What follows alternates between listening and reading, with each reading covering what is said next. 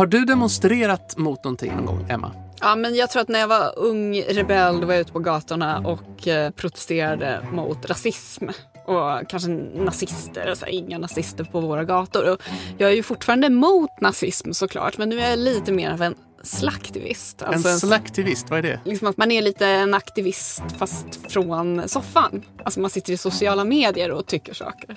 Du då? När det begav sig, så då pratar vi 70-talet här i Stockholm, då var ju jag med familjen ute och demonstrerade mot bly i bensin minns jag och för ett folkets kultur. För folkets kultur? Ja, alltså. för folkets kultur. Jag tror att det var en sån här vänsterslogan som förekom under 70-talet. Ah, alltså inte opera och så, utan snarare skulle vara graffiti. Om det ens fanns Jag vet inte riktigt. Nej, man okay. fick ett plakat, man är fem år, man går och demonstrerar, punkt. Välkommen in i riskzonen där vi idag ska bege oss till den skånska slätten, närmare bestämt Teckomatorp.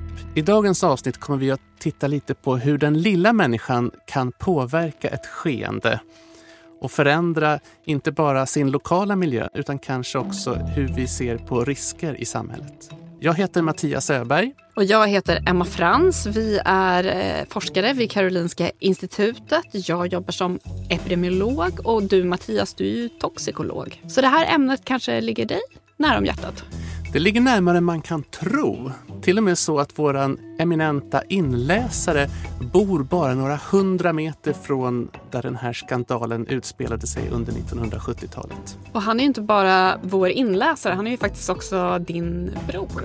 Stämmer. Så du har varit på plats? Jag har varit på plats. Jag har inspekterat saneringarna som fortfarande pågår snart 50 år efter utsläppen.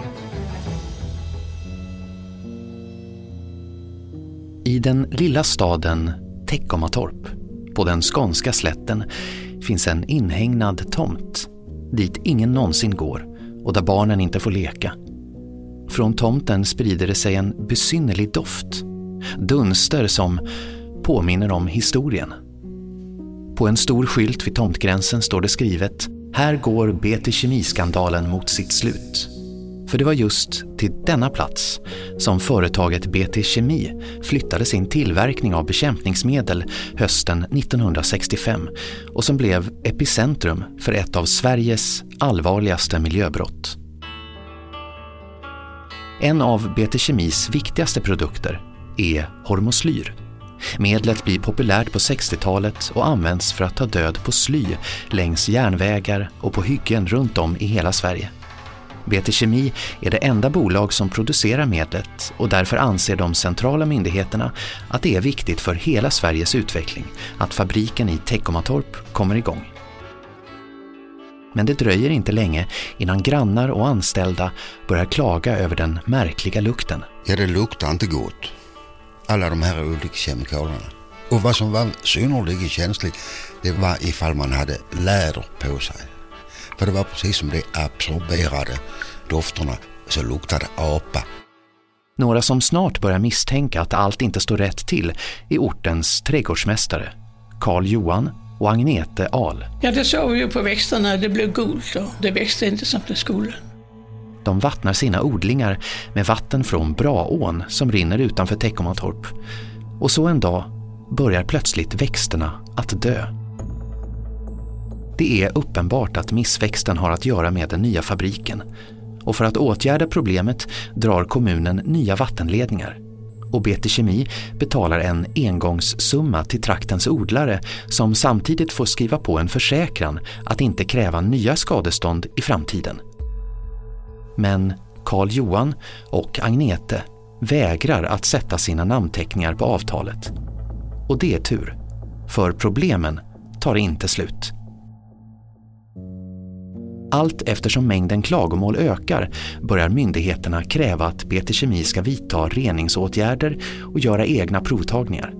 Tjänstemän från Länsstyrelsen och Hälsovårdsnämnden gör inspektioner på plats och kan konstatera att provresultaten visar att vattenreningen fungerar.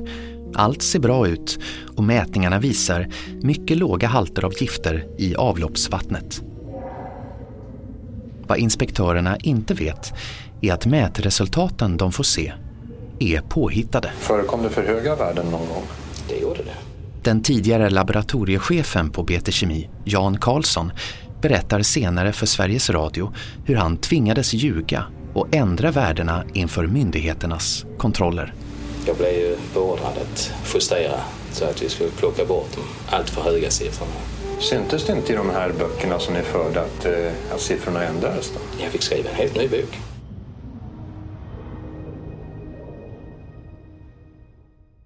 Jag var ju inte riktigt med på den här tiden men jag såg nyligen den här dokumentären om Birgitta Dahl som bland annat varit miljöminister här i Sverige.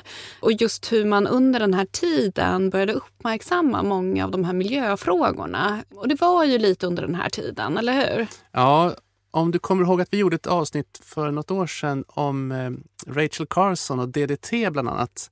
Tyst vår. Tyst vår. Mm. en bok som kom under 60-talet som fick väldigt stor inverkan. Och den sammanfaller på något sätt med när vi som samhälle får upp ögonen för att den gemensamma miljön är betydelsefull för alla. För innan dess kunde man liksom bara slänga saker hur som helst. Ja, men dumpade man det i havet eller grävde ner det så var det försvunnet. Just liksom. det. Nu började man upptäcka baksidorna lite grann av industrialiseringen och gifterna på allvar. Att det blev en samhällsdiskussion kring det. Som ni har kanske hört i nyhetssändningarna så har regeringen idag beslutat att förbjuda BT Kemi att återuppta verksamheten i Teckomatorp. Allt det här började ju med att enskilda individer faktiskt ställer sig upp och påtalar att någonting är fel. Eh, personer som kanske inte har specialutbildning eller extraordinära kunskaper om kemikalier och risker, utan de utgår från sin vardag. Och det tycker jag är lite fascinerande att det är liksom den lilla människan som på något sätt börjar den här snöbollen som sen växer. Det var ju också för att den lilla människan var ju faktiskt inte den som man tog hänsyn till i det här fallet. Utan man kanske liksom tyckte att det var viktigt att man liksom från myndighetshåll tyckte att det här liksom företaget var väldigt viktigt och skulle på något sätt... Ja, det eh, ansågs väl vara en samhällsviktig verksamhet och viktig del av svensk beredskap på något sätt. Att vi kunde bygga järnvägar utan sly och ha en skogsindustri som inte plågades av ovälkomna växter. Sådär. Och vi ser väl lite liknande diskussioner idag kan jag tycka. Vi har haft en jätteintensiv diskussion om svensk cementtillverkning där man så att säga, ska väga risker för dricksvatten lokalt mot nyttan med arbetstillfällen och industriell utveckling. Och där verkar ju också som industrin liksom har sitt narrativ som de är ganska duktiga på att få ut. Alltså man får ju höra om alla de här jobben som kommer försvinna om inte Cementa får fortsätta sin verksamhet. Eh, och då är ju frågan liksom, var kommer de där beräkningarna ifrån? Ja, men kräver så att säga, svensk utveckling och i viss mån också kanske då beredskap att man offrar miljön lite här och där? Är det ett pris vi måste vara beredda att betala? Att köra över en liten ort då och då för att vi andra ska kunna må gott och få det vi vill ha? Det är ju ingen lätt fråga, men jag tror ju som sagt var att miljöaspekten är en viktig parameter, men inte den enda. Och om man ser att liksom, vissa typer av åtgärder kommer att resultera i att många människor blir av med jobbet, då tror jag att det kan vara svårt för politiker att gå in och stoppa en verksamhet hur som helst. Det kan också handla om tidsperspektivet. Det är klart att det kan få stora konsekvenser att stoppa någonting. Men det är också lite oansvarigt kan man ju tycka att ha en situation där man är så beroende av en fabrik som tillverkar cement eller en fabrik som i Teckomatorp som tillverkar ett bekämpningsmedel som många verkar vilja ha. För tre veckor sedan kom Mark och miljööverdomstolens beslut som innebär att företaget Cementa från och med sista oktober saknar tillstånd att bryta kalk på Gotland. Och den senaste veckan har vi hört om hur förlusten av en inhemsk cementproduktion hotar såväl planerade infrastrukturprojekt som arbetstillfällen i byggbranschen. Men det här bekämpningsmedlet, hormoslyr, det låter ju ganska livsfarligt tycker jag, bara det här namnet. Men vad är det egentligen? Alltså man måste ju ändå ge dem att de som kom på varumärken på 70-talet inte brydde sig så mycket om att det skulle låta... Det låter väldigt så här, hormonpåverkande på något sätt. Ja, men det ligger faktiskt någonting i det där. För Ja. att hormoslyr härmar en slags växthormon. Ah, okay. Eh, och när det kommer in i växtcellerna så får det dem att liksom växa ihjäl sig kan man säga. Det egentliga växthormonet heter auxin och det är det som kan få blommor att vända sig mot solen under dagen och sådär.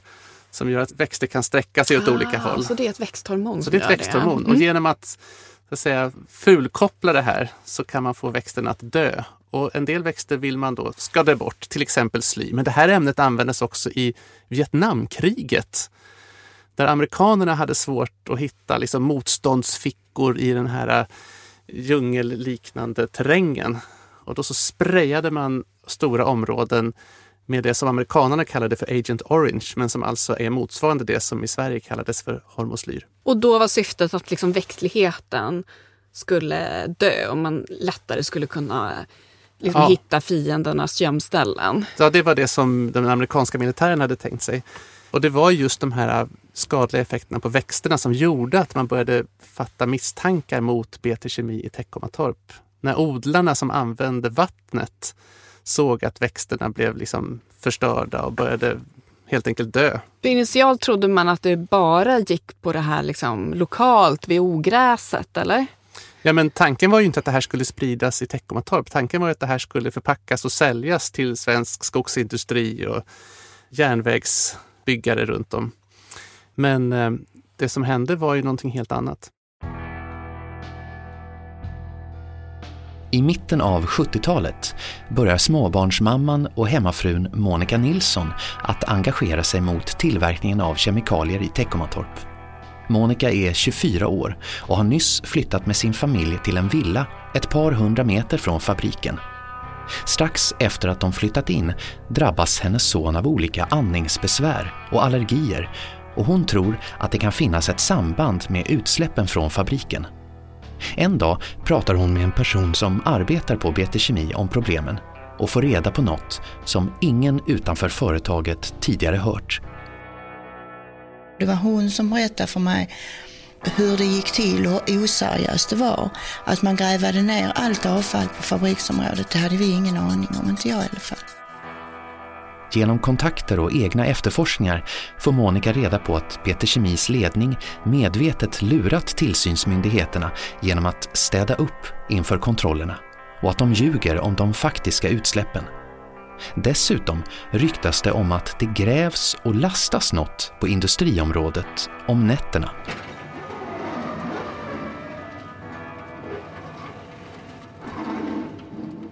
Trots olika påstötningar händer ingenting. Förutom att företagets ledning berättar att det enda som grävts ner på tomten är helt ofarliga filtermassor och att Monica och de andra som påstår något annat är hysteriska och smutskastar företaget. Att gräva ner ett rent oorganiskt silikat i marken kan ur miljöfarlighetssynpunkt närmast kunna jämföras med att sanda en trottoar med sand för att undvika halka hävdar BT Kemidirektören inför koncessionsnämnden när han får frågor om det som grävts ner på företagets område. I början av 1970-talet hade Sverige fått en ny miljölag som kräver att industrin ska söka tillstånd om de bedriver miljöfarlig verksamhet och BT Kemi lämnar in en ansökan. Själva prövningen drar ut på tiden då myndigheterna gång på gång kräver nya förtydliganden och kompletteringar av ansökan. Monica Nilsson vill att det ska tas prover på det som grävts ner och inför tillståndsbeslutet drar hon igång en namninsamling. På kort tid får hon mer än varannan invånare i Teckomatorp att skriva under ett protestbrev som skickas till koncessionsnämnden i Stockholm. Men brevet får ingen som helst betydelse för det nya beslutet Bolaget får istället tillstånd att fortsätta i ytterligare fyra år. Många i Teckomatorp är bestörta över beslutet, men på företaget, i den lokala fackföreningen och hos kommunpolitiker är glädjen stor eftersom fabriken ger mängder av viktiga arbetstillfällen. Dessutom menar företagsledningen att de kemikalier som oroar befolkningen egentligen är helt ofarliga. Så ofarliga att man skulle kunna dricka dem utan minsta problem. För att illustrera de krav som ställts på företaget lät direktör Foss blanda samman så mycket fenoxisyra som man under loppet av 50 år har tillstånd att släppa ut från BT Kemi. För att bevisa detta påstående bjuder företagets danska chef in tv och häller upp ett glas med hormoslyr. Nu tar jag detta glas och kommer cirka halvdelen i detta glas svarande till 25 års utsläpp och sveper det inför förstummade tv-tittare. och dricker det.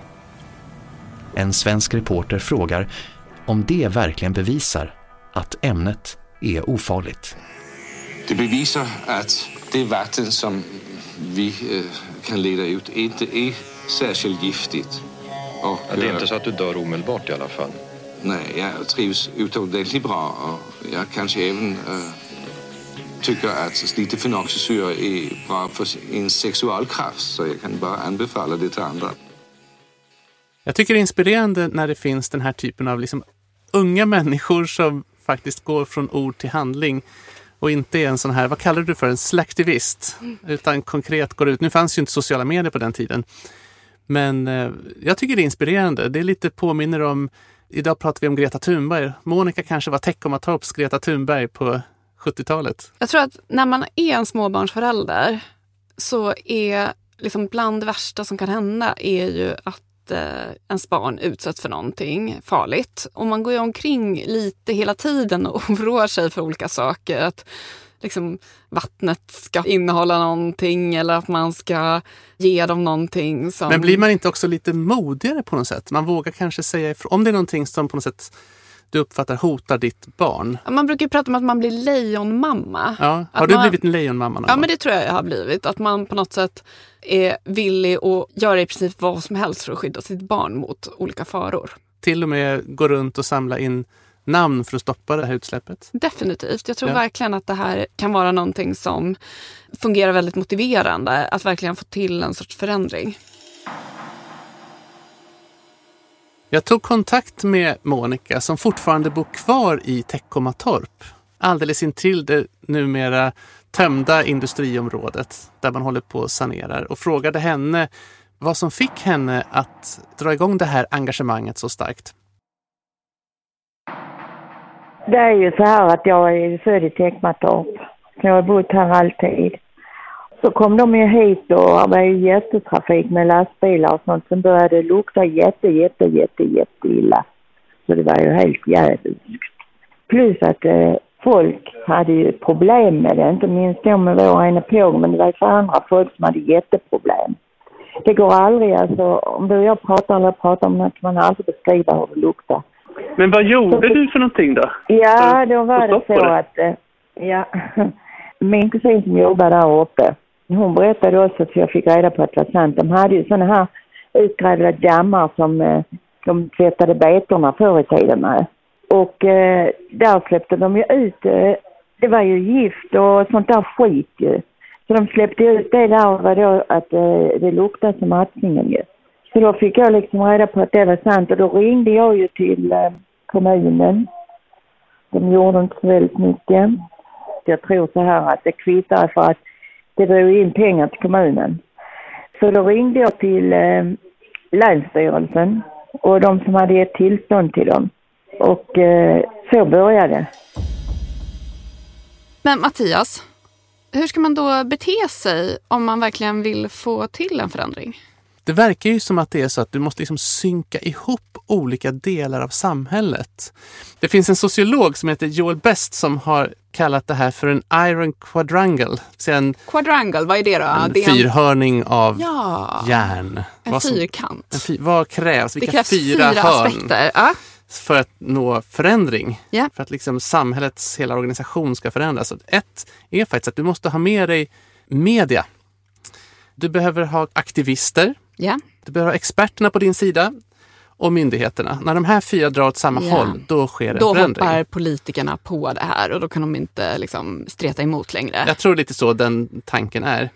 Sen är det väl inte helt lätt kan jag tycka att skilja ut det här, vad är vad och hur mycket ska de här egentligen samverka? Jag kan ju vara lite skeptisk till om media ska så att säga driva en förändring. Jag vill ju gärna ha oberoende media som vi andra kan så att säga hämta kunskap ur.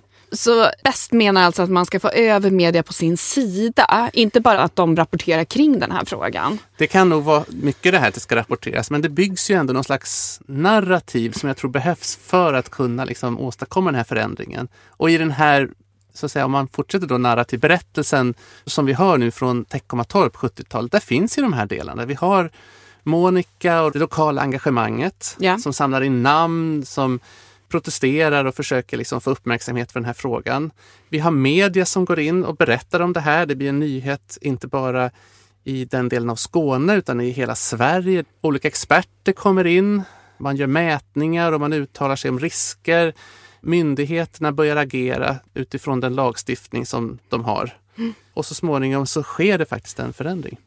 Så det verkar ligga någonting i den här teorin menar jag. Men något som jag också tänker på är liksom att den här fyrhörningen också på något sätt borde kunna motverkas också om det finns tillräckligt med stora intressen från kanske, jag tänker på olika typer av liksom, industrier som också har, jag tänker på tobaksindustrin, jag tänker på oljeindustrin som väldigt aktivt försökt också motverka den här utvecklingen.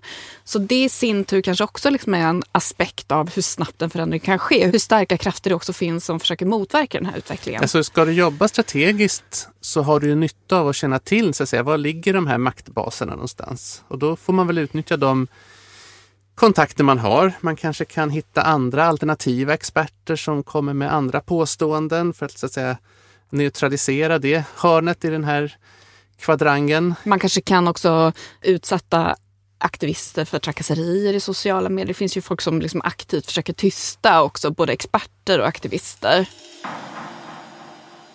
Jag frågade Monica om hon fick något motstånd mot det här engagemanget när det begav sig. Mycket kritik.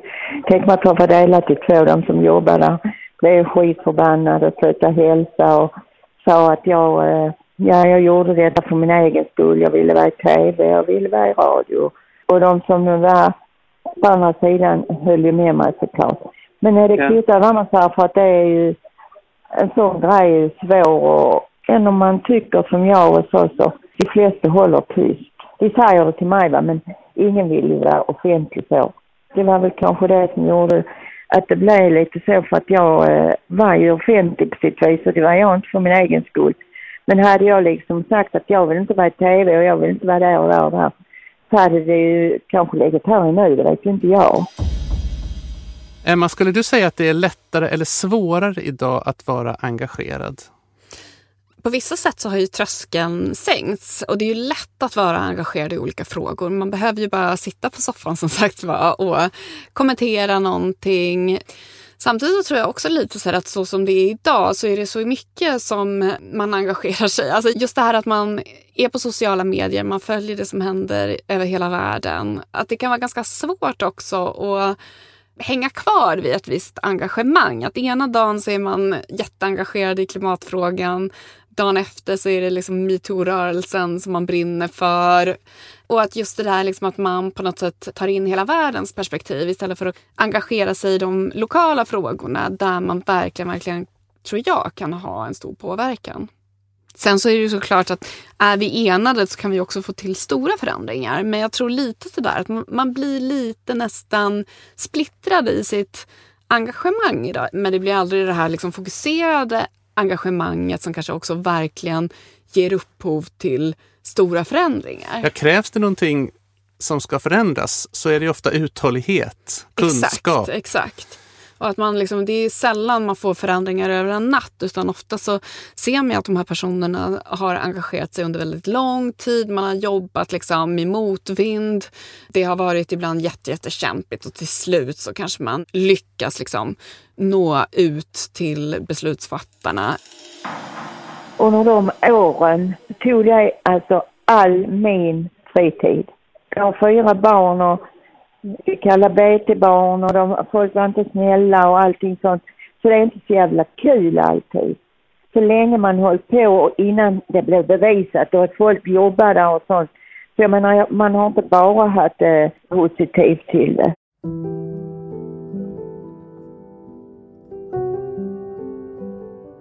Trots att BT Kemi-chefen dricker hormoslyr i TV lugnas inte lokalbefolkningen och trycket från opinionen hårdnar. Kommunen kräver att avfallet som grävts ner på företagets område ska kontrolleras. Och det är nu som historien rullas upp. Totalt 200 tunnor hittas och analyser visar att innehållet inte alls är fritt från gifter som företaget hävdat i sin tillståndsansökan. Det är en skandal och många tror att verksamheten nu kommer att upphöra. Men det blir inte något stopp. Istället återremitteras frågan till koncessionsnämnden på grund av de felaktiga uppgifterna i den tidigare ansökan. Tiden går och ett nytt beslut tas. Till mångas bestörtning får företaget tillstånd att fortsätta i ytterligare tre år om de lovar att samtidigt komma till rätta med problemen. Men de danska ägarna får nog av alla krav och väljer att tömma företaget på pengar, stänga fabriken och försätta företaget i konkurs. Då, på hösten 1977, förändras situationen ännu en gång. I samband med ett dräneringsarbete upptäcks hundratals nya nedgrävda gifttunnor. Problemet är bara nu att ingen längre kan ställas till svars. Direktören som först anhålls släpps snart på fri fot eftersom preskriptionstiden för brott mot miljöskyddslagen redan passerat. De enda som får någon ersättning är trädgårdsmästarna Karl Johan och Agnete Ahl eftersom de vägrat skriva under avtalet om att inte stämma BT Kemi så lyckas de få till en förlikning som täcker de skulder deras företag fått till följd av det giftiga vattnet. 1979 beslutar Svalövs kommun att spränga fabriken och påbörja en sanering av hela området. Ja, det var ett historiskt ögonblick i Teckomatorp där hundratals nyfikna bevittnade skådespelet. Och för en av dem var det här slutet på fyra års miljökamp. Jag själv betraktat det som en stor seger och hoppas alla andra också gör det. Och när resten av giftfabriken är helt borta så småningom, ja då kommer det att bli en grönskande park på det här området. En sanering som fortfarande pågår och hittills har kostat svenska skattebetalare över en halv miljard kronor. Jag tycker det är så deprimerande att myndigheterna som ändå så att säga fick de här uppgifterna hela tiden landar i att ja, ja, men de får fortsätta några år till om de bara lovar att bättra sig. Istället för att säga att ja, men de här uppgifterna, förra ansökan stämde ju inte så att nu är det game over. Man kan ju tänka att det här också kan påverka förtroendet som man har för samhällets institutioner som myndigheter och så. Men som är din söderstyr Bombarderi och bombarderalla Dricker gärna hormoslyr Bombarderi faderalla nej. Överhetens nya njutning. Bombarderi faderalla nej. Inre hormoslyrbesprutning Bombarderi faderalla nej. Vi kan ju skratta lite grann åt den här danska kemikaliechefen som dricker hormoslyr i tv för att visa att det är ofarligt. Men sanningen är ju att vi använder lite samma mediaknep även idag. När vi vill att människor ska vaccinera sig så har vi ju kända människor som kavlar upp ärmarna och till och med var det väl så att man har fått följa några live. Var inte kungen med på ett hörn? Ja, kungen la de ju upp en bild när han blev vaccinerad. Han fick ju lite kritik för att folk tyckte ju att eh, han skulle få vänta. Han fick det ju ganska tidigt så folk tyckte ju liksom att slottet kanske inte riktigt klassas som ett äldreboende trots allt. Nej. Men eh, jag vet att Tegnell han tog ju Astras. Ja. Och det var ju under den tiden när folk var lite tveksamma till huruvida man verkligen ville ha AstraZenecas vaccin. Tror du att det fungerar? Tror du att människor så att säga, låter sig övertygas av att nu ser jag hur den här personen som jag kanske ser upp till Jag tror inte alla låter sig övertygas. Om man är en riktig vaccinskeptiker då tror man bara att ja, men den där personen är med på konspirationen. Men personer som kanske är liksom lite sådär går omkring och ena dagen tänker att man kan ta AstraZenecas vaccin och andra dagen är lite mer tveksam. Då kanske det kan vara jätteeffektivt att en person som Anders Signell som liksom har folkets förtroende och som har expertkunskap, att han tar ställning och liksom själv tar den här risken också. Jag tänker att en av de allra starkaste påverkanspersonerna i ens liv, det är ju ens vänner snarare. Alltså, får jag höra av mina kompisar att ja, men jag har tagit vaccinet, det var bra, eller jag fick inte så mycket biverkningar. Då känns det plötsligt lite mer trovärdigt än att jag ser en annons med någon som är känd som tar vaccinet. Det tror jag du har jätterätt i. Att man lite överskattar kändisarnas möjlighet att påverka och så kanske underskattar just det här med vilka har man runt omkring sig? Vad gör ens vänner? Inte bara vad de tror och tänker men deras beteende blir ju också normsättande. Och eh, vi gillar ju att följa normerna så att, eh, det tror jag ju är superviktigt. Efter den här BT Kemi tv-inslaget så har det ju spridits ganska mycket myter om att den här äh, chefen dog en plågsam död strax efteråt. Så jag var faktiskt tvungen att kolla upp det där. Ja, nu blir jag jättenyfiken. Ja, men han klarade sig ju förvånansvärt bra och levde till en ålder 83 år enligt säkra internetkällor. Ja, ja, men det är strax över medelåldern för män. Så att Frågan är väl om det var hormoslyr i det där glaset. Hur mycket var det han drack då? Han påstod att han drack utsläpp motsvarande 25 år. Det är väl lite tveksamt med tanke på hur många tunnor som de hade grävt ner. Nu tar jag detta glas och dricker det. När man tittar nu i gamla arkiv och tidningsklipp och sånt där så framkommer det ju ändå att det blev verkligen bevisat att det fanns nedgrävda tunnor och sådär. Så på något sätt måste det ändå kännas som att du fick, fick rätt. ja, jag vill inte säga det men det är ju hemskt att säga så men den dagen alltså man eh, erkände eller grävde upp eh, tunnor och så. Så det var ju jätteotrevligt att det var så, men det kändes ändå bra för mig. Jämte mot vad folk hade trott liksom att, äh, fan, det är ingenting, det är bara påhitt. Så var det ju sant ju. Men har den här liksom skandalen i Teckomatorp på något sätt påverkat eh, samhället? Alltså präglar det oss idag på något sätt? Ja, förutom att vi fortfarande betalar hundratals miljoner för att försöka göra rent. Usch vad deppigt. Ja. ja, så på så sätt har det ju påverkat. Sen har det ju också blivit lite grann av startskottet kring den liksom nya miljölagstiftningen som började komma fram under 70-talet och som sen har utvecklats. Där vi försöker få både säkrare kemikalier, att kemikalier ska inte vara så här farliga. Vi har mycket bättre kontrollsystem. Vi har miljöövervakning. Då var det lite mer slumpmässigt att man hittade någonting för att någon larmade. Men som vi också har sett i andra eh, sammanhang så kan det ju fortfarande hända att det vi inte har känt till plötsligt dyker upp. Vi gjorde det här avsnittet om PFAS i dricksvattnet. Det har ju pågått fram till våra dagar. Eh, så det kan nog fortfarande hända. Men krävs det sådana ordentliga skandaler för att man ska få till verklig förändring? Det kanske krävs skandaler för att få till den här förändringskraften. Att både så att säga, myndigheter och aktivister och media och experter ska ta en fråga på tillräckligt stort allvar. Man är aldrig en proaktiv aktivist, eller? Jo, lite med klimatet så finns det aktivister som engagerar sig i en fråga som kanske ännu inte liksom har hänt. Eller i alla fall de allvarligaste konsekvenserna ännu inte ja, inträffat. Annars måste man väl ändå erkänna att vi människor är ju ganska reaktiva i vårt sätt att förhålla oss till risker i alla fall.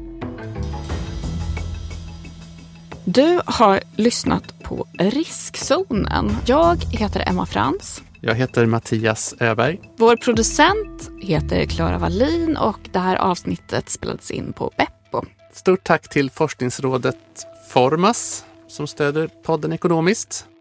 Våran berättarröst som görs av Peter Öberg spelades faktiskt in i Teckomatorp. Och i nästa avsnitt så kommer vi prata om experter som har fel och eh, svältkatastrofen som uteblev.